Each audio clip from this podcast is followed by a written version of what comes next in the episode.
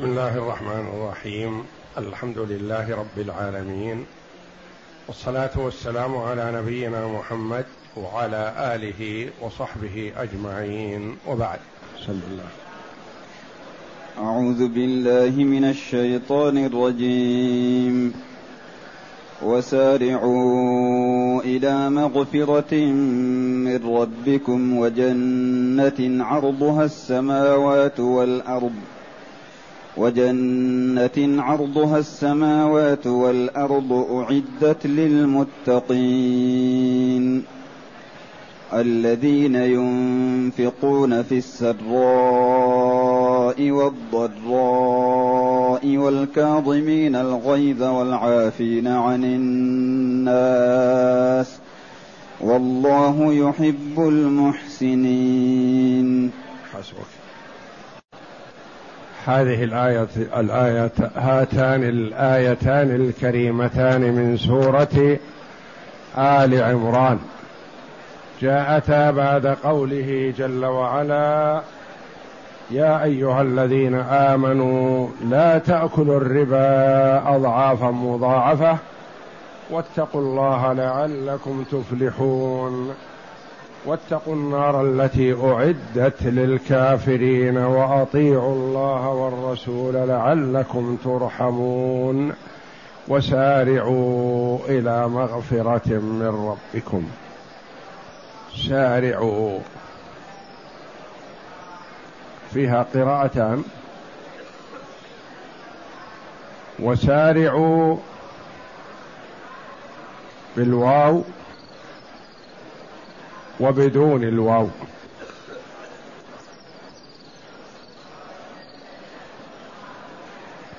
قرأ نافع وابن عامر من القراء السبعة سارعوا بدون واو. وقراءة الجمهور وسارعوا.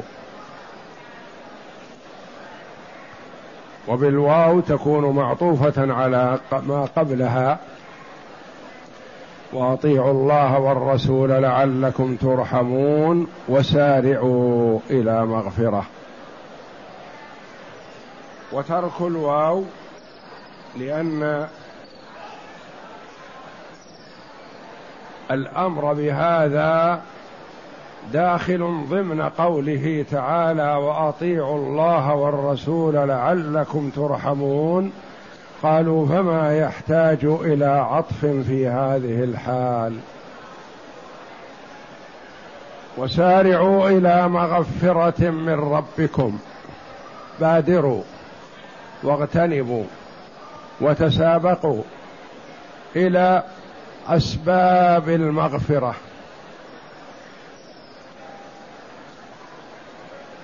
إلى العمل الذي يسبب لكم المغفرة من الله تعالى. ما هذا العمل؟ ذكر ابن الجوزي رحمه الله في زاد المسير عشرة أقوال للعلماء. بالمحافظه على الفرائض في المبادرة إلى الصلاة بإدراك تكبيرة الإحرام.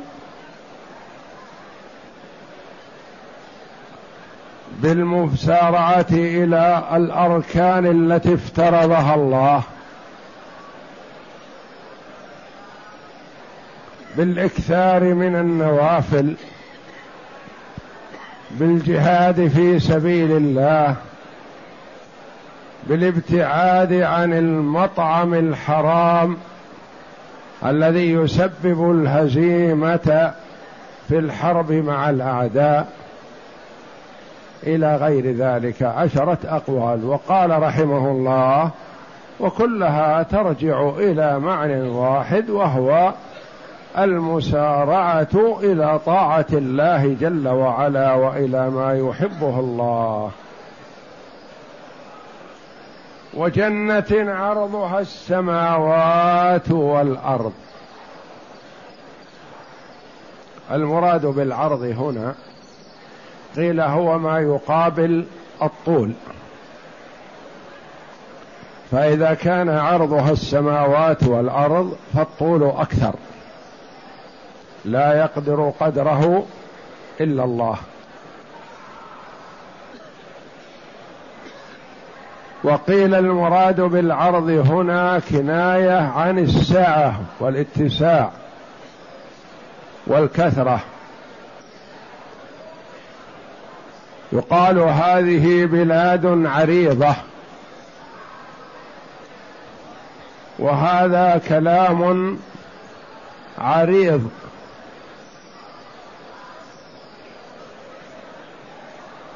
وإنما هذا كناية عن السعة. يقال عن الشيء الواسع يقال هذا عريض. وكلا المعنيين صحيح والله أعلم.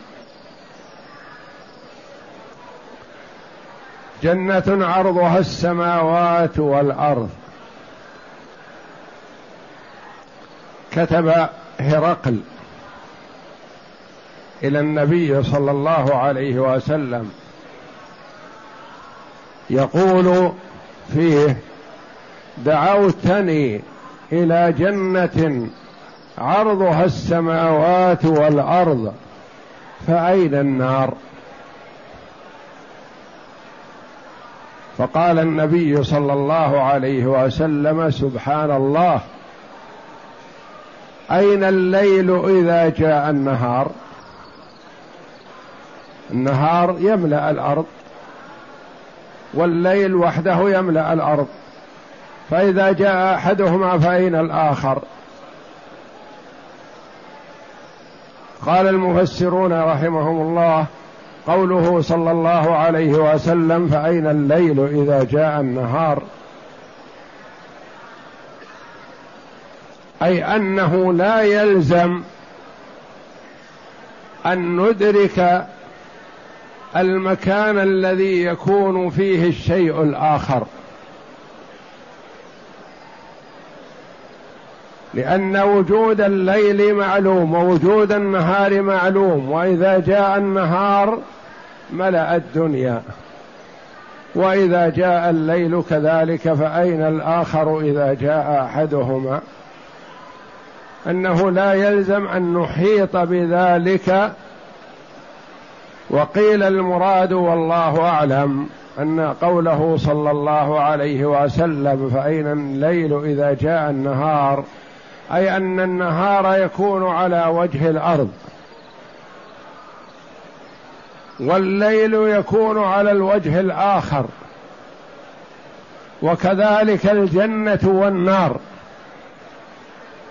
الجنة جاء أنها فوق السماوات السبع. وأعلاها وأفضلها جنة الفردوس. فهي أعلى الجنان ومنها تفجر أنهار الجنة وسقفها عرش الرحمن. فإذا كانت الجنان فوق مع أن الكرسي الذي تحت العرش لو وضعت فيه السماوات السبع لكانت كسبعة دراهم. في ترس أو في سبعة دراهم في فلات. وهذا العرش وهذا الكرسي العظيم لو وضع في العرش لكان بمثابة حلقة من حديد وضعت في فلات من الأرض. والعرش هو سقف الجنان. والنار في أسفل السافلين. فالجنة عرضها السماوات والأرض. يعني لو جعلت السماوات صفت السبع وصفت الأراضين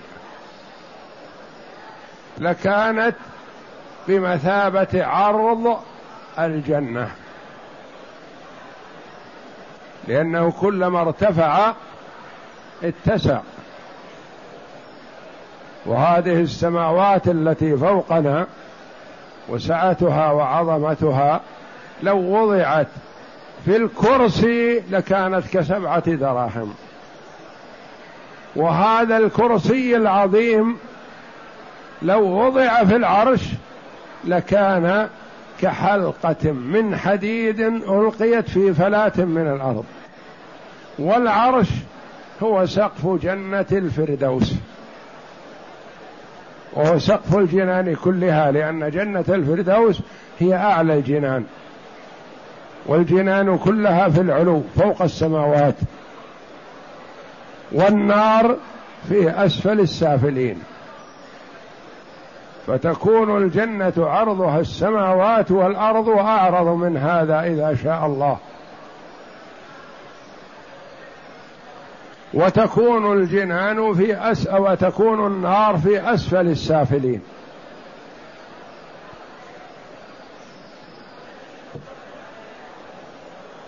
وسارعوا إلى مغفرة من ربكم وجنة.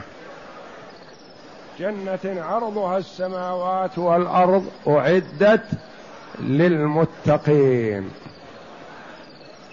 من هذه الآية الكريمة وآيات أخر وأحاديث صحيحة استدل أهل السنة والجماعة على أن الجنة موجودة مخلوقة الآن وأن النار كذلك لأن قوله تعالى أعدت للمتقين يعني أنها معدة وموجوده فالله جل وعلا في هذه الآية الكريمة يحث عباده على الطاعات التي هي سبب للمغفرة ودخول الجنة. والمغفرة أن تغفر السيئات وهذا فضل من الله وإحسان. وأعلى من هذا أن تغفر ويعطى بدل السيئات حسنات. تمحى السيئات ويكتب بدلها حسنات. كما قال الله جل وعلا والذين لا يدعون مع الله إلها آخر ولا يقتلون النفس التي حرم الله إلا بالحق ولا يزنون.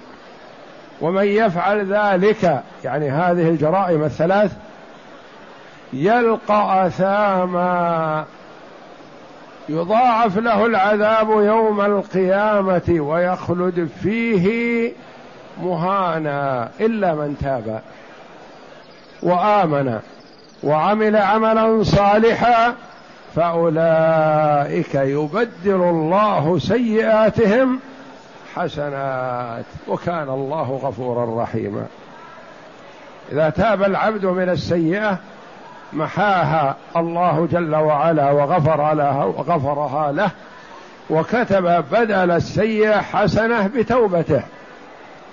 فتوبته يحصل على الحسنات بها.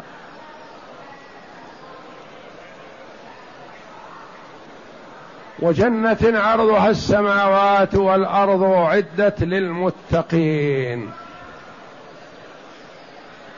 جاء أن آخر من يدخل الجنة ويخرج من النار أن الله جل وعلا يقول له اذهب وادخل الجنة. فيتراءى له أنها ملأى. ما يجد مكان. فيرجع إلى ربه فيقول يا ربي ما وجدت بها مكانا ملأى. فيقول له ثانية ارجع اذهب فادخل الجنة. فيتراءى له أنها ملأى فيرجع إلى ربه. فيقول الله جل وعلا ألا ترضى أن تكون أن يكون لك مثل الدنيا يعني من أولها إلى آخرها. فيقول بلى يا ربي فيقول لك مثل الدنيا ومثلها ومثلها وأضعافها حتى يبلغ عشر مرات. فيقول رضيت يا ربي أتهزأ بي يا ربي وأنت أحكم الحاكمين. فيقال له تمنى ويعطى فوق أمنيته ويعطى مثل الدنيا اضعافا مضاعفة وهو في أول الأمر يتراءى له أن الجنة ملأى وليس فيها مكان لأنه آخر من يدخل الجنة. أعدت للمتقين الذين اتقوا الله جل وعلا. اتقوا الشرك. ولقد يقع المتقي في بعض السيئات فيتوب إلى الله جل وعلا فيتوب الله عليه. وإنما اتقوا الشرك لأن الشرك هو الذي يتنافى مع دخول الجنة. إن الله لا يغفر أن يشرك به ويغفر ما دون ذلك لمن يشاء. وتقوى الله جل وعلا فسرها العلماء رحمهم الله. بتفسيرات كثيرة ولعل من أجمعها قول من قال هي أن تعمل بطاعة الله على نور من الله رجاء ثواب الله وأن تترك معصية الله على نور من الله خوفا من عقاب الله. وهذه جامعة. أن تعمل بطاعة الله لأنها طاعة على نور من الله لا تقليد ولا اتباع للآباء والأجداد وإنما طاعة لله لأنها طاعة. على نور من الله يعني تعرف أنها طاعة وأن الله يحبها وتعملها احتسابا وطلبا للثواب. وأن تترك معصية الله لا خوفا من الناس وإنما لأنها معصية ولأن الله يبغضها فتتركها لأن الله يبغضها تتركها خوفا من عقاب الله إن وقعت فيها.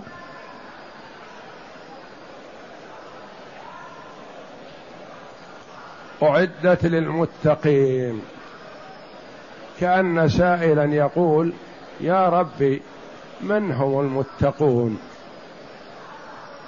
فقال جل وعلا الذين ينفقون في السراء والضراء والكاظمين الغيظ والعافين عن الناس والله يحب المحسنين. هذه صفاتهم. الذين ينفقون في السراء السعة والغنى والعطاء ينفقون مما أعطاهم الله.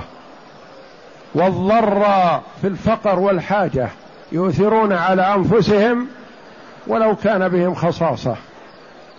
فكان بعض الصحابة رضي الله عنهم يؤجر نفسه على تمرات فيأكل شيئا منها ويتصدق بالباقي.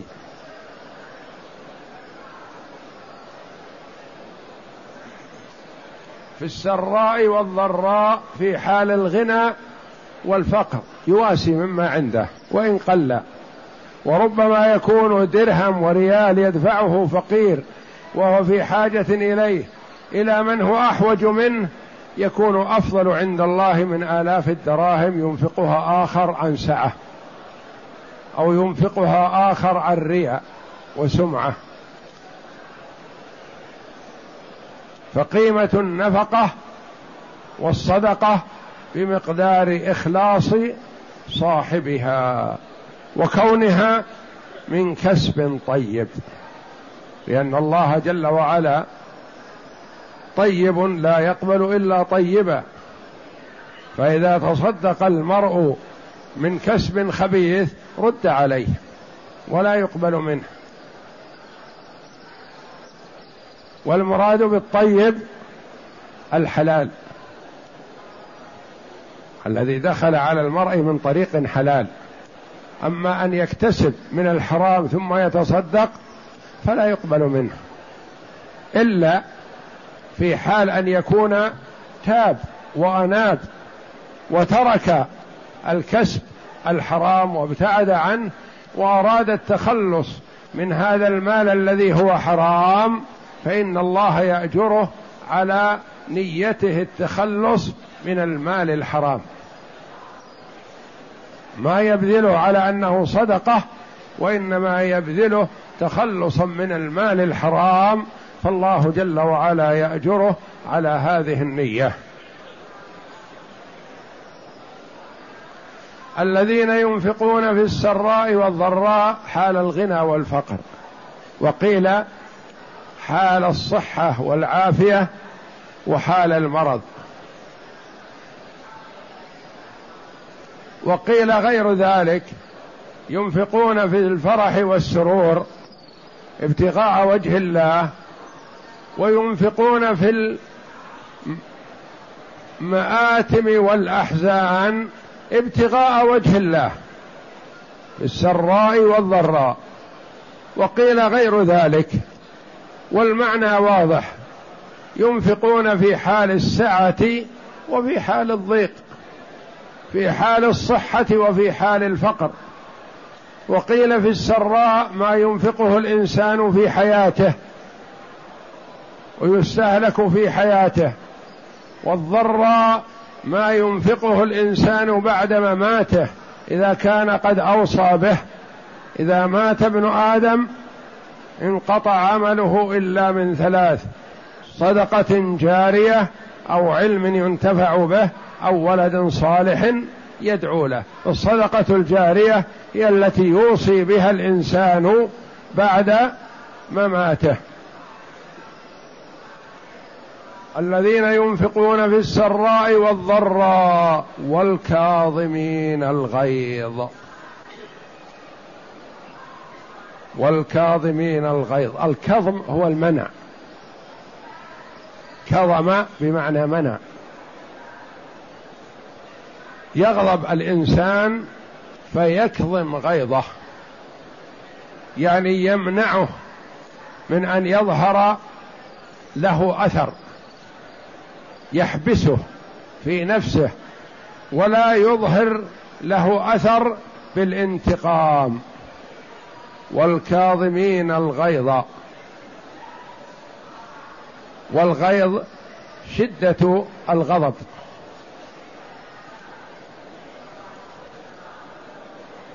والكاظمين الغيظ والعافين عن الناس. المراد بالناس قيل المماليك والخدم لأنهم هم الذين يباشرون العمل وكثيرا ما يكون الغضب نحوهم ثم إن الإنسان قد يسارع في الانتقام من الخادم والعامل ونحوه لأنه ضعيف وعقوبته سهلة وميسرة على الإنسان فيسارع في هذا فوعد الله جل وعلا على العفو خيرا. وقيل عن الناس عموما أي إنسان أساء إليك فتعفو عنه احتسابا وطلبا للثواب من الله جل وعلا. والعافين عن الناس والله يحب المحسنين. يكظم غيظه. ويعفو عمن أساء إليه. والدرجة الاعاليه يحسن إلى من أساء إليه. ما يكتفي بالعفو وكظم الغيظ وإنما يعطيه. يعطي من أساء إليه ويحسن إليه. فتنطبق عليه هذه الآية. روي عن ميمون بن مهران أن جاريته جاءت ذات يوم بصحفة فيها مرقة حارة وعنده أضياف فعثرت فصبت المرقة عليه. فأراد ميمون أن يضربها. فقالت الجارية يا مولاي استعمل قول الله تعالى والكاظمين الغيظ. قال لها قد فعلت. فقالت اعمل بما بعده والعافين عن الناس. قال قد عفوت عن قد عفوت عنك. فقالت الجارية والله يحب المحسنين. قال ميمون قد أحسنت إليك فأنت حرة لوجه الله تعالى. ورويت هذه القصة كذلك عن الأحنف ابن قيس المعروف بالحلم. فتذكر الآيات والتذكير بها عند الغضب من هدي السلف رحمة الله عليهم. كان الحر بن قيس من القراء الذين يدنيهم عمر رضي الله عنه. ويحضرون مجلسه ودخل عليه أعرابي جلف. فقال هيه يا ابن الخطاب والله ما تحكم فينا بالعدل ولا تعطينا الجزل. وأخذ يسجع من هذه السجعات يسب عمر رضي الله عنه. وعمر رضي الله عنه معروف بالعدل والإنصاف ومنع نفسه عن الشيء حتى يساوي أفراد المسلمين أو أقل من ذلك. فغضب رضي الله عنه وهم أن يؤدبه لأنه تعدى وتجاوز الحد. فقال الحر بن قيس رحمه الله يا أمير المؤمنين إن الله جل وعلا يقول خذ العفو وأمر بالعرف وأعرض عن الجاهلين وإن هذا من الجاهلين. فيقول الراوي والله ما جاوزها عمر رضي الله عنه.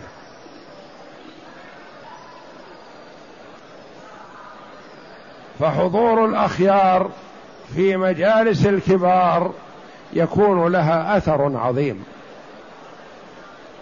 بخلاف سواهم فإنه قد يحرض على الانتقام. فيقول زد عليه هذا جاهل. أدبه يتأدب غيره وهكذا. فرق بين الاثنين. هذا هدأ عمر رضي الله عنه بآية كريمة من كتاب الله وجهها الله جل وعلا لعبده ورسوله محمد صلى الله عليه وسلم ولأمته. خذ العفو وأمر بالعرف وأعرض عن الجاهلين. يقول والله ما جاوزها عمر. هدأ غضبه رضي الله عنه. وهكذا ينبغي لمن يحضر المجالس أن يدخل فيها بأدب ويكون له فيها أثر حسن. يحاول أن يكون له فيها أثر حسن. ويصدق عليه قول النبي صلى الله عليه وسلم إن الرجل ليتكلم بالكلمة من رضوان الله لا يظن أن تبلغ ما بلغت يكتب الله جل وعلا له بها رضاه إلى يوم يلقاه. وإن الرجل ليتكلم بالكلمة من سخط الله لا يظن أن تبلغ ما بلغت يكتب الله عليه بها سخطه إلى يوم يلقاه. وفي حديث آخر يهوي بها في النار سبعين خريفا. فليحذر الإنسان أن يتكلم بكلمة سيئة يعود وبالها عليه وليحاول أن يتكلم بالكلام الحسن. الذين ينفقون في السراء والضراء والكاظمين الغيظ والعافين عن الناس والله يحب المحسنين. والإحسان أعلى الدرجات التي يمكن أن يتصف بها المؤمن. لأن الدرجات الإسلام والإيمان والإحسان. وإذا جمعت فيراد بالإسلام الأعمال الظاهرة. ويراد بالإيمان أعمال القلب. والإحسان فسره النبي صلى الله عليه وسلم هو أن تعبد الله كأنك تراه. فإن لم تكن تراه فإنه يراك. تعبد الله عبادة من كأنه يرى الله. وما دام أنه لا يرى الله في الدنيا فيعتقد ويجزم بأن الله جل وعلا يراه ومطلع عليه. ومن المعلوم أن من عبد الله وهو موقن بأن الله مطلع عليه فإنه سيتقن العمل ويحسنه. والله يحب المحسنين. إثبات صفة المحبة لله تبارك وتعالى على ما يليق بجلاله وعظمته. وأهل السنة والجماعة يثبتون لله ما أثبته لنفسه وينفون عنه ما نفاه عن نفسه جل وعلا أو أثبته له رسوله صلى الله عليه وسلم أو نفاه عنه رسوله صلى الله عليه وسلم. والناس في باب الصفات ثلاث طوائف. طائفتان ضالتان ووسط سالمون. أناس غلوا في الإثبات وتجاوزوا الحد فشبهوا الله بخلقه. تعالى الله. وطائفة أخرى تزعم أنها نزهت وقد غلت وتجاوزت الحد فعطلت الله من صفاته جل وعلا. وأهل السنة والجماعة وسط بين الطائفتين أثبتوا إثباتا بلا تشبيه. ونزه الله جل وعلا تنزيها بلا تعطيل. على حد قوله جل وعلا ليس كمثله شيء. هذا التنزيه. وهو السميع البصير. هذا الإثبات. فجمعوا بين التنزيه والإثبات. وفارقوا الطائفتين الضالتين المشبهة والمعطلة المشبهة غلوا في الإثبات وتجاوزوا الحد والغلو ممقوت في كل شيء.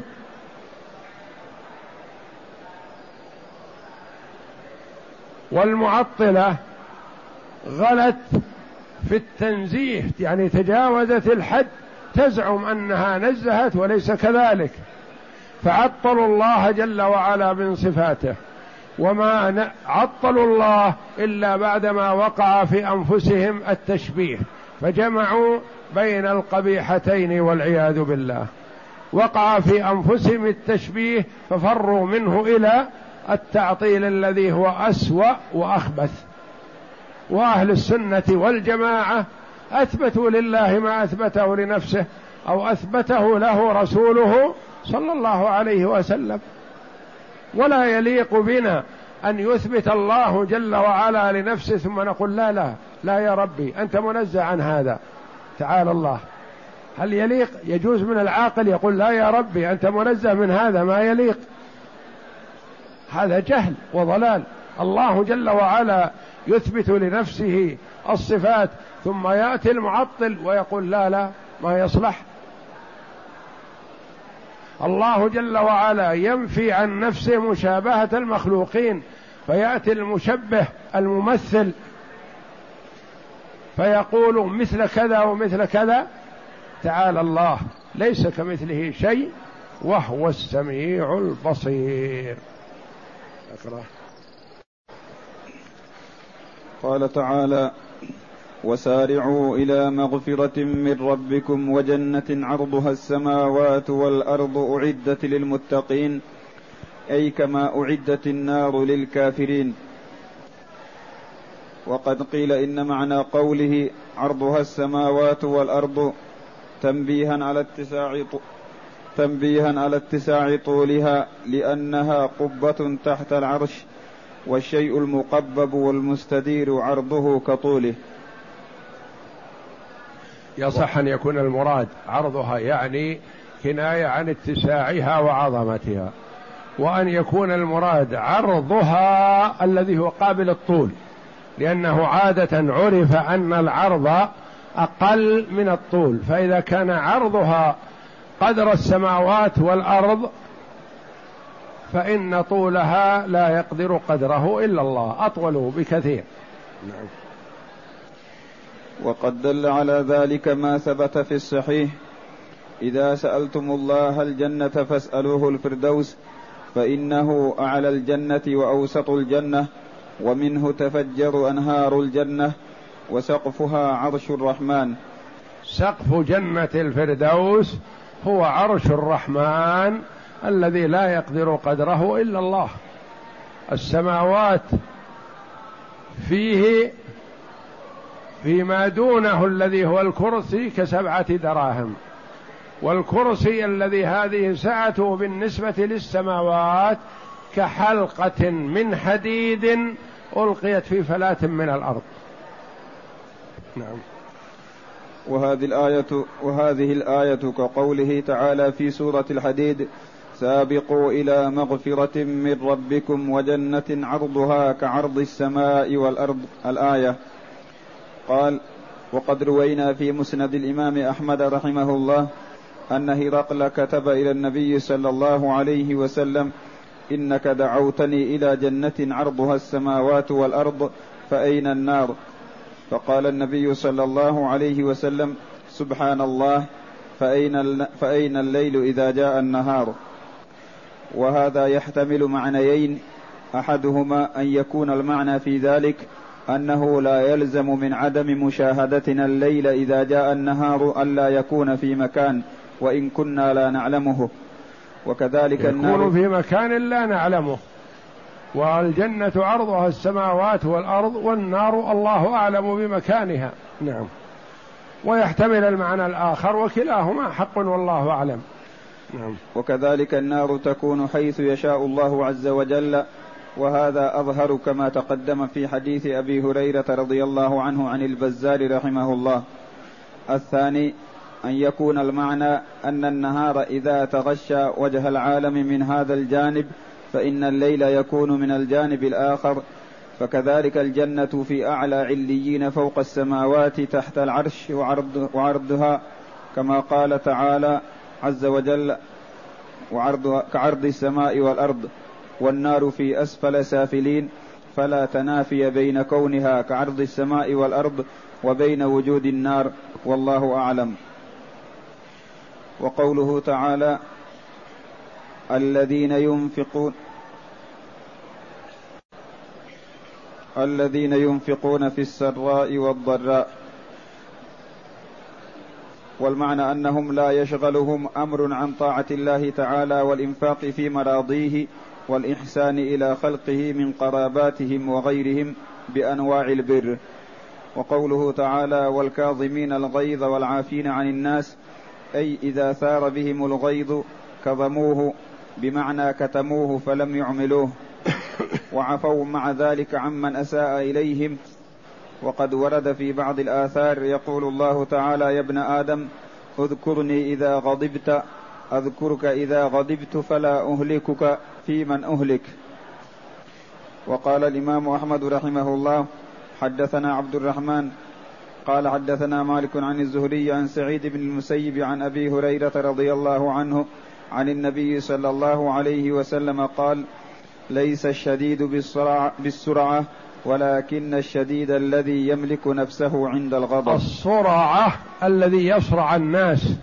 يعني إذا تقابله وشخص آخر يصرعه يرميه بالأرض ويطرحه في الأرض. يقول عليه الصلاة والسلام ليس الشديد يعني القوي الشديد في السرعة يعني الذي يصرع الناس وإنما الشديد هو الذي يملك نفسه عند الغضب. لأن الغضب يسيطر على الإنسان فإذا كان الإنسان قوي ما أثر فيه غضبه وما تصرف تصرفا غير لائق. يملك نفسه. و والضعيف إذا سيطر عليه الغضب بدأ يتصرف تصرفات هوجاء تصرفات ضارة. قد يقتل وقد يؤذي وقد يفعل أفعال شنيعة ثم يندم بعد هذا يتأسف. فيحث النبي صلى الله عليه وسلم على التحمل والقوة والتجلد عند الغضب. نعم. وأخرج الإمام أحمد رحمه الله عن الأحنف بن كيس عن عم له يقال له جارية بن قدامة السعدي أنه سأل رسول الله صلى الله عليه وسلم فقال يا رسول الله قل لي قولا ينفعني وأقلل علي لعلي أعيه. فقال رسول الله صلى الله عليه وسلم لا تغضب. فأعاد عليه حتى أعاد عليه مرارا كل ذلك يقول لا تغضب. هذا الذي طلب من النبي صلى الله عليه وسلم النصيحة والتوجيه والإقلال. قال حتى أحفظه. قال له لا تغضب. فكأنه استقل هذا النصيحة هذه النصيحة والتوجيه. فكرر فقال له لا تغضب. لا تغضب. فالمرء إذا تقيد بهذه الكلمة العظيمة منه صلى الله عليه وسلم عالج نفسه وصبر نفسه عند الغضب سلم من شرور كثيرة وأدرك خيرا كثيرا لأن الغضب هو الذي يسبب المشاكل كلها نتيجة الغضب. ما يقع الطلاق إلا بسبب الغضب وما يقع الضرب والمضاربة إلا بالغضب وما يقع القتل إلا بالغضب. وهكذا جميع الجرائم والمشاكل يسببها الغضب.